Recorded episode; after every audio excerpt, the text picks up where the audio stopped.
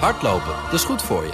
En Nationale Nederlanden helpt je daar graag bij. Bijvoorbeeld met onze digitale NN Running Coach... die antwoord geeft op al je hardloopvragen. Dus, kom ook in beweging. Onze support heb je. Kijk op nn.nl slash hardlopen. BNR Beurs wordt mede mogelijk gemaakt door Bridge Fund. Make money smile. BNR Nieuwsradio. BNR Beurs.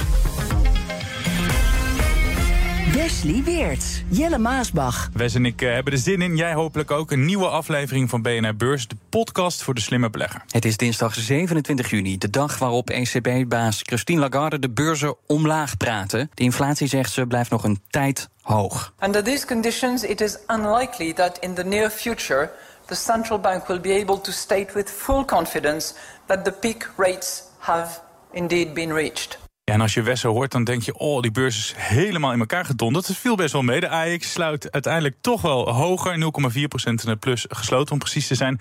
Boven de 760 punten. Grootste stijger is Prozus, ruim 6% erbij. We hebben niet Christine Lagarde in de studio, maar wel Luc Holtappels van IRG Investment Office. Met hem bespreken we de beursdag. En dan hebben we het eh, onder meer over Proces, dat zometeen. En over Microsoft, want dat komt met een bizarre belofte. De omzet gaat verdubbelen in slechts een paar jaar tijd. Ja, dat zo. Maar uh, eerst uh, ander nieuws. Om te beginnen met het dieselschandaal van Volkswagen. Software die werd uh, gebruikt om de uitstoot lager te laten lijken. Hoe lang hebben we daar wel niet over gehad? Nou, behoorlijk lang. Ja, want het kwam allemaal in 2015 aan het licht. Kleine tien jaar terug dus. En pas nu is er iemand veroordeeld uit de toenmalige directie. Die eer is aan Rupert Stadler, de voormalige baas van Audi. Audi natuurlijk een van de dochterondernemingen van Volkswagen. Hij moet één jaar en negen maanden de cel in en 1,1 miljoen euro aan boete betalen. En waarom? Toen het uh, dieselschandaal aan het licht kwam, heeft de CEO er niks aan gedaan om het te stoppen, zeggen de aanklagers. En dus uh, moet hij nu brommen. Ik zag dat één aandeel vandaag boven alle andere uitstak op de Europese beurzen. En dan heb ik het over Wise. En dat aandeel dat ging zelfs even zo'n 20% omhoog. En het is een fintech-bedrijf. Een beetje te vergelijken met de moderne versie van Western Union. En met een app kun je daar makkelijk, snel en vooral goedkoop geld overschrijven van de ene naar het andere land. Waarom steeg het aandeel dan uh, zo hard? Nou, de omzet die steeg het afgelopen boekjaar met meer dan 50%. De netto-winst per aandeel verdrievoudigde. Het aantal klanten nam met een derde toe. En ook de vooruitzichten, die zijn ijzersterk. En dat zorgde dus allemaal voor die koersexplosie. En die opsteker die kan het bedrijf ook goed gebruiken. Want ik heb even naar die beurskoers gekeken. Mm -hmm. Die koers die is nog altijd lager dan het bedrag waarvoor het bedrijf in 2021 naar de beurs ging. Nou, voetbal dan, speciaal voor jou. Ik weet niet of jij een beetje voetbalfan bent, uh, Luc? Nee, niet zo. We hadden het er net al even over, maar uh, voor voetbal moet je niet bij mij zijn. Dan kun je het verhaal overslaan.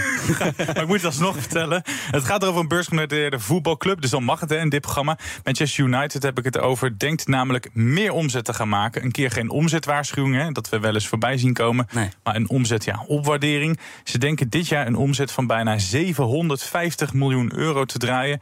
Dat is een uh, record voor deze Engelse club. En dik 50 miljoen euro meer dan eerder voorspeld. Ze gaan de Champions League in. Daardoor uh, valt de omzet nu hoger uit. Allemaal dankzij de Nederlander Erik ten Hag, die blij is. Well, we are really happy. It is the theater of dreams. So, then also we want to show it. Ja, zijn Engels is net zo goed als het jouw, Wes. De koers die sloot iets in de plus, dus beleggers die reageerden wat uh, minder happy. Nou, en ik zag nog dat de Chinese premier Li Qiang de beurzen een boost gaf. Hij hield een toespraak waarin hij zei dat China op koers ligt om zijn groeidoelen te halen. Doel voor dit jaar is 5% economische groei. En dat is geen gemakkelijke taak, dat zei hij eerder dit jaar. Terwijl ja, het toch een van de laagste groeipercentages in jaren is. Maar ondertussen ja, weten we ook dat het herstel in China toch wel tegenvalt. Want het land kampt met allerlei problemen. Consumenten die minder besteden. De vastgoedsector die in een crisis zit. En de vraag naar goederen vanuit het buitenland die lager is.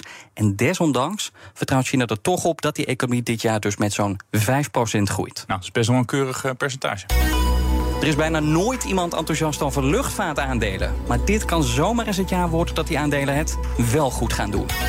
Waarom dat is, dat hoor je zo. Maar we beginnen met Prozus. Dat bedrijf heeft sinds een paar jaar een plek op de Amsterdamse beurs. Toen werd het uh, afgesplitst van het grootste bedrijf van Zuid-Afrika, Naspers.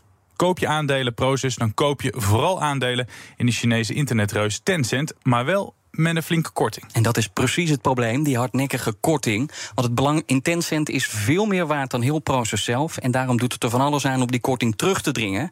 En vandaag kondigt Proces een grote, nieuwe stap aan. Want het knipt de navelstring met het moederbedrijf Naspers door. Ja, Proces komt dus een stukje losser te staan van die Zuid-Afrikaanse moeder. Maar wat verandert er precies, Luc? Nou, als we kijken wat er precies verandert. Kijk, in, in de vorige situatie zat het allemaal heel complex in elkaar. Hè. Dan hebben ze het altijd over uh, kruisbelangen in elkaar. Uh, dus uh, ze hadden zeg maar wederzijds aandelen in elkaar. Ja. Het zijn eigenlijk constructies waar beleggers over het algemeen niet zo heel blij in zijn. Het, het is wel eigenlijk heel onoverzichtelijk en dat zorgt ook deels voor die discount.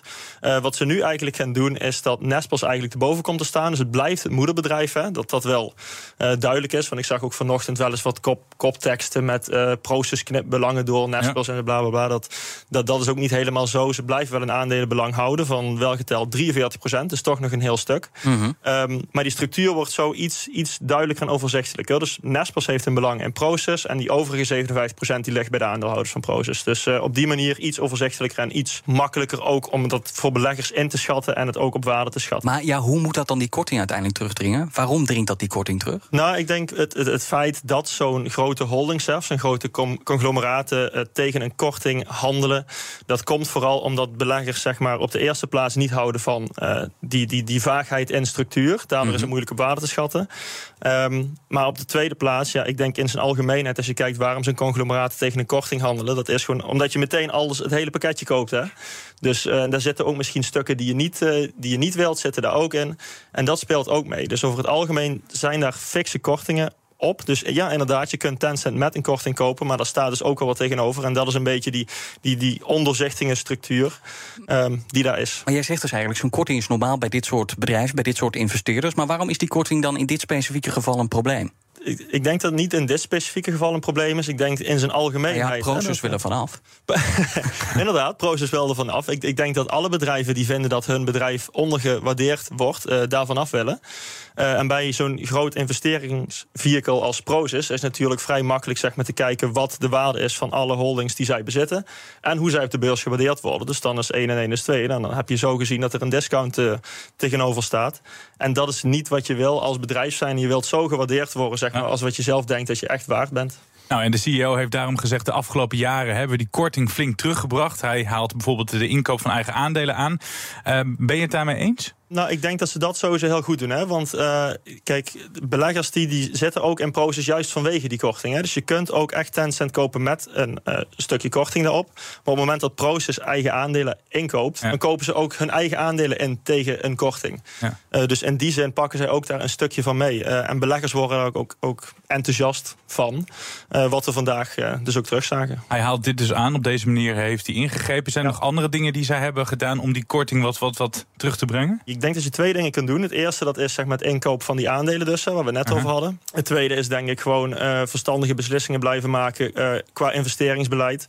Dus de juiste stukken kopen, uh, op de goede momenten kopen en verkopen. En dat is ook wat ze de afgelopen jaren denk ik wel gedaan hebben. Ik bedoel, zeker bij zijn conglomeraten is een goed track record vrij belangrijk wat het management doet. En daar heeft Proces toch wel ja, een, goede dingen laten zien de afgelopen jaren. En dat is wat beleggers ook wel, wel waarderen. En dat blijven ze ook, uh, ook doen. Dus die maar, investeringen die gaan goed. Maar is dat, is dat nou vooral te danken aan die ingrepen van Proces? Of is het gewoon zo dat dat belang in Tencent... dat dat naar verhouding minder waard is geworden? Waardoor die korting ook minder groot is geworden? ook dat. Kijk, Tencent is natuurlijk een, een Chinees, uh, enorm groot Chinees uh, bedrijf. En um, daar kan ik zelf misschien ook wel bij zeggen. Ik ben zelf ook geen enorm fan van beleggingen in China. Dus ook allemaal misschien net als om, om het verlengde te trekken met die conglomeraten... ook wat minder transparant, om het zo maar te zeggen, dan westerse bedrijven. Um, ja, en als we kijken naar beleggingen in China, zijn al niet heel lekker gegaan de afgelopen tijd. En Tencent hoort er ook bij. En als je dan enorm belang hebt in Tencent, dan, ja, dan heeft Proces daar ook last van. Nou, ze gaan door met het inkopen van eigen aandelen. Dus ja. dat is goed nieuws voor beleggers. Het bedrijf kwam ook met cijfers. En wat vooral opvalt, is dat de winst fors terugvalt. Proces boekte 10 miljard dollar netto winst. Tegenover 18,6 miljard een jaar eerder. Dus een forse terugval.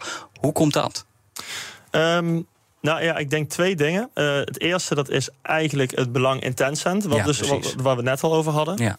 Uh, het tweede is denk ik vooral dat ze toch wel ook flinke belangen hebben in e-commerce bedrijven. Uh, en die zijn de laatste tijd ook niet allemaal even goed gegaan.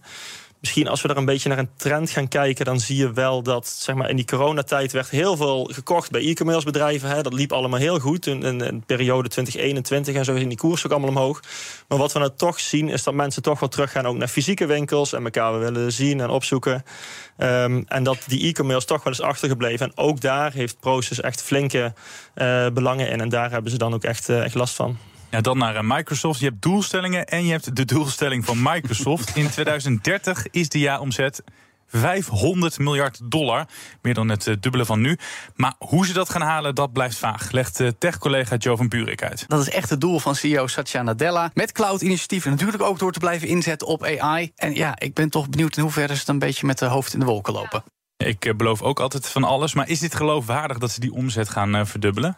Nou, het, het, 500 miljard is natuurlijk een behoorlijk bedrag. Ik denk als je vandaag kijkt naar het, op het moment dat die, dat die oproep naar buiten kwam van de CEO. Ja. Je zag de koers daar niet enorm op bewegen eigenlijk. Dus het was ook niet dat beleggers van hun stoel schoten en dat ze er enorm van schrokken. Want we hebben het wel over een periode van over zeven jaar. Ja. Um, en als ik kijk naar bedrijven als bijvoorbeeld uh, Microsoft, maar ook Amazon en Alphabet, uh, moederbedrijf van Google. Uh -huh. um, daar zijn de uh, groeiverwachtingen voor de omzet, ook de komende jaren, 24, 2024, 25 en 26, zijn gewoon boven de 10 procent.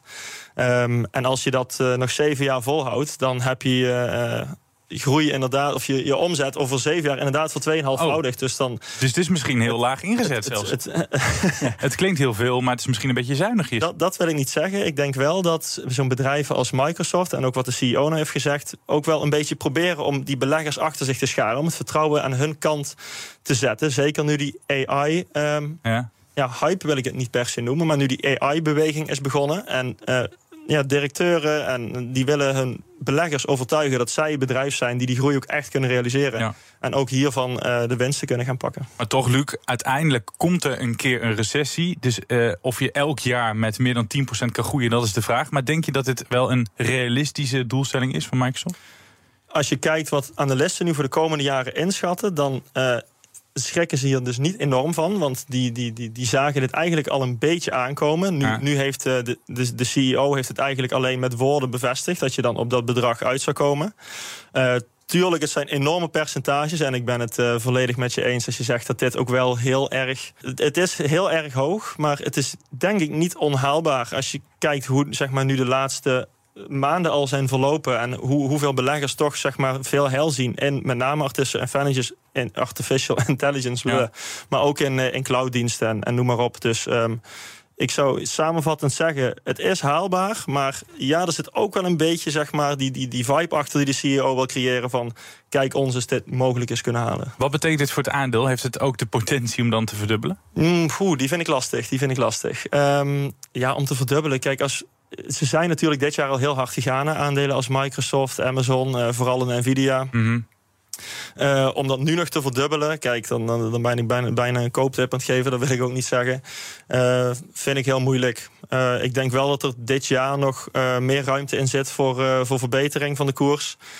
Ongetwijfeld zullen we ook hier een stapje terug doen. Want ik denk dat we nu heel veel momentum hebben gezien. Hè, dat dat ook wel in die koers zit. En uiteindelijk gaat dat ook wel weer wat minder worden. Wat je nu al een beetje ziet.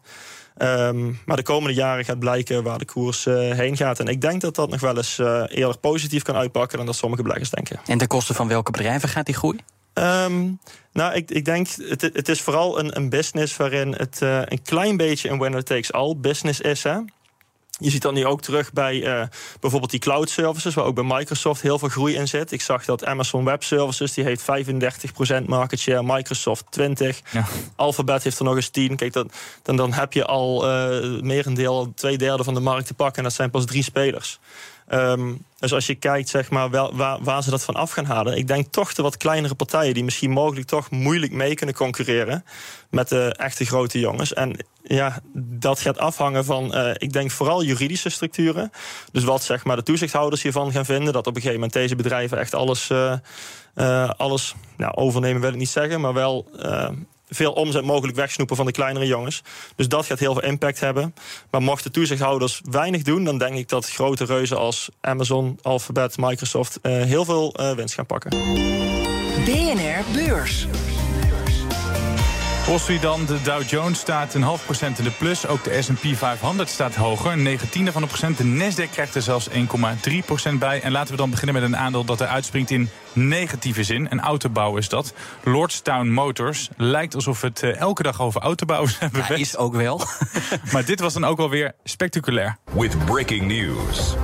Breaking news to start off your Tuesday. A major development overnight as Lordstown Motors has filed for Chapter 11 bankruptcy and is set to sue parent company Foxconn. The company is saying that Foxconn has done irreparable harm, setting out to, quote, destroy its business. Het is een Amerikaans bedrijf dat elektrische pick-ups, pick-up trucks maakt. Nog nooit van gehoord, maar het is dus uh, failliet. Zoekt een koper en de koers gaat op dit moment 36% naar beneden. Pijnlijk, bedrijf uh, werd twee jaar terug nog gewaardeerd op 7 miljard dollar. Meer dan Renault. Terwijl het uh, nog geen auto had uh, geproduceerd. Het was sowieso een ramp, want dit bedrijf loog eerder al beleggers voor. Ze verzonnen orders. Dat kostte de oprichter en de CEO toen de kop. En nu gaan ze dus op de fles. Nou, zag nog een andere opvaller, ook in negatieve zin. Walgreens Boots Alliance, dat is een grote drogisterijketen. En die komt met een winstwaarschuwing. En dat de winst tegenvalt heeft alles te maken met consumenten die minder uitgeven. Maar ook de vraag naar coronavaccins en testen is voor een groot gedeelte weggevallen. Logisch ook. Maar kennelijk zaten daar hoge marges op. Want voor het eerst in drie jaar boekt Walgreens minder winst dan analisten en beleggers hadden verwacht. Vandaar dat winstalarm en vandaar ook dat het aandeel nu 9% lager staat. BNR Beurs. Van Wall Street naar een uh, iets rustigere locatie. Je hoort het al aan dit rustgevende muziekje. We gaan naar onze zomerserie. En het thema van deze week is beach-aandelen. Oftewel aandelen van bedrijven uit de reis- en toerismebranche en de vrije tijdssector. Met vandaag luchtvaartaandelen. Er is eigenlijk nooit een analist die enthousiast is over luchtvaartaandelen. Maar Corné van Zijl was het laatst wel in BNR Beurs. Hij was toen best wel te spreken over Air France KLM. De vliegtuigen zitten vol, vol. De prijzen zijn hoog. En nu gaan ook nog eens de kerosineprijzen naar beneden. Dat scheelt ze een half miljard aan kosten. En dan zou dit wel eens het jaar kunnen zijn dat je Air France een Oh. keertje moet hebben. Eén keer in de tien jaar heb je zo'n jaar. Dit zou het jaar wel eens kunnen zijn. Denk je dat ook, Luc, dat dit jaar het jaar van de lucht, luchtvaartaandelen wordt? Nou, ik ben het in die zin met Corné eens dat eh, je luchtvaartaandelen mogelijk zeg maar, wel in sommige periodes kunt hebben als je zeg maar, cyclisch net goed zit. Dus Aha. voor de korte, middellange termijn zijn er misschien ja, mogelijkheden, koopmogelijkheden waarin je ze wel zou kunnen pakken. Ehm, ik denk inderdaad dat we, als ik, eh, wat hij nu aangeeft, dat dat nu wel eens zo'n moment zou kunnen zijn. Maar over het algemeen ben ik toch niet heel positief over, eh, over luchtvaartaandelen. Dat had ik verwacht, want ja. ja, we zeiden het net al, er heeft eigenlijk nooit iemand op jouw plek gestaan die enthousiast was. Maar laten we positief beginnen. Wat zijn de redenen om wel te beleggen in, in luchtvaart? Nou, ik denk de reden om wel te beleggen in luchtvaart, dat is uh, juist, zeg maar, ik wat net ook een beetje aangaf, als je mee wilt met die eco economische cyclus zijn. Je hebt het idee dat het toch wel redelijk, redelijk hard is afgestraft of onterecht hard is afgestraft. Uh, wat je bijvoorbeeld zag toen die energieprijzen omhoog schoten, hè, dan, dan, dan hebben vliegtuigmaatschappijen ook heel erg last van toen zaten ze wel echt heel erg, heel erg aan de lage kant. Dan ging het echt tegen een enorme discount. Als je kijkt tegen het langjarige gemiddeldes. Ja, dat zijn gewoon momenten dat je ze op kunt pakken. Maar dan ben je eigenlijk ook een beetje, een beetje aan het timen. En uh, om dat af en toe een beetje te proberen is niet erg. Maar daar ben ik op, over het algemeen niet zo fan van. Uh, om dan precies die koopmomenten daar op die luchtvaartmaatschappij... Ja, om die, op die aandelen daar uit te kiezen. Um, dus ja, het mogen, ja, op korte, middellange termijn zou je ervan kunnen profiteren. Maar ik denk over het algemeen gewoon niet doen. Dan komt de volgende vraag. Wat zijn de risico's? Nou, brand maar los. Timing. ja, nee, ja, zo is het timing. Uh, ik denk de risico's in zijn algemeenheid zijn gewoon dat uh, in die luchtvaartmaatschappijen vooral de innovatie er een beetje uit is. Hè. Ik, kijk, het, het is een maatschappij wat een klein beetje doorsuddert. Uh, zeg maar, die vluchten zullen vermoedelijk wel altijd nodig blijven, maar waarschijnlijk in de toekomst ook wat minder. Nu ook het treinreizen, ook zeg maar ja. binnen het continent wat populairder begint te worden. Um, dus het, het, het sukkelt allemaal wel wat door, maar echte innovatie zie ik daar niet meer echt in zitten. En in echt innovatie is toch waar beleggers over het algemeen wel, uh, wel enthousiast van worden. Um, en ja, en dat zie ik hier niet zo. Nou, ging je net over Air France KLM, maar wat zijn, als je dan toch aandelen moet kiezen, de interessantste beursbedrijven in deze categorie? Nou, ik denk als je dan toch voor aandelen gaat, dan nou, misschien het aandeel wat je net noemde, bijvoorbeeld ook al. Maar dan zou ik toch voor de wat grotere uh, jongens daar gaan. Um, uh, die het wel kunnen winnen van anderen als tijden ook echt moeilijk worden. Te kijken naar een Lufthansa, Air France KLM. Misschien als we aan de andere kant van de oceaan kijken, American Airlines. Dus echt de grotere airliners. Uh, omdat die dan mogelijk ook, als het een keer economisch wat minder gaat en als die cyclisch omlaag gaat, dat die dan toch zeg maar overeind kunnen blijven. En toch mogelijk ook die dividenden die ze over het algemeen wel uitkeren, kunnen Mhm. blijven uitkeren. Nou ja, daarover gesproken, over economische tegenwind. We hebben natuurlijk ook een pandemie achter de rug. We hebben een overheid die de luchtvaart meer aan banden wil leggen vanwege het klimaat. Hebben luchtvaartmaatschappijen wel grip op hun eigen groei? Oeh, dat vind ik een lastige. Ehm, ik denk in zeer minimale mate, omdat het toch erg afhankelijk is van hoe de overheid kijkt naar de regelgeving. En hoe de algemene consensus is in de maatschappij tegenover vliegen en duurzaamheid en dergelijke. Want als je als belegger in een vliegtuigmaatschappij gaat beleggen, dan moet je ergens ook soort van accepteren dat je in een cyclisch bedrijf zit. En dat je gewoon onderworpen bent aan de regelgeving die daarbij komt. En aan de, alle ja, de critici zeg maar, rondom het vliegen, omdat duurzaamheid zo groot op de agenda staat. Dus ik denk dat je gewoon heel erg onderworpen bent aan dat soort ja, noem het macro- macro-economische of maatschappelijke effecten. Ehm, dus ja, hebben ze daar zelf invloed op? Moi, zou ik zeggen. Wat je net aanhaalde, die grote spelers, een Lufthansa en Air France KLM. Eén ding wat je bijna zeker weet, als ze in de problemen komen, wat we ook zagen tijdens de coronacrisis, dan laat de overheid ze nooit vallen. Dan komen ze altijd met miljarden over de brug. Dat is toch wel een zekerheidje als aandeelhouder van dit soort bedrijven. Dat je toch altijd wel weet dat je belegging gered gaat worden. Ja, of je altijd weet dat het gered gaat worden, dat weet ik ook niet. Uh, misschien is dat ook een beetje de reden wat ik net aangaf. Hè, van als je erin belegt, dan maar in de wat grotere jongens. Omdat daar de kans groter is, denk ik, dat Ja. die dan ook geholpen worden op, in Aha. tijden dat het echt moeilijk gaat. Of het algemeen zijn overheden er ook steeds minder fan van, denk ik. Want ook bij hun staat duurzaamheid heel hoog op de agenda. Dus, uh, En ook weer iemand hier in de studio die toch niet heel erg fan is, eh, Wes. Ondanks het feit dat ik aanstaande vrijdag, eh, ondanks het feit dat ik aanstaande vrijdag wel een mooie vlucht ga pakken naar Zuid-Spanje, ben Oh. ik over de aandelen zelf toch niet heel, niet heel enthousiast. Marcos Meijaloes. Tot zover de dinsdag op naar morgen. En dan draait het om een chipbedrijf, Micron. Misschien ken je het niet, maar het speelt een belangrijke rol in de chipoorlog tussen Amerika en China.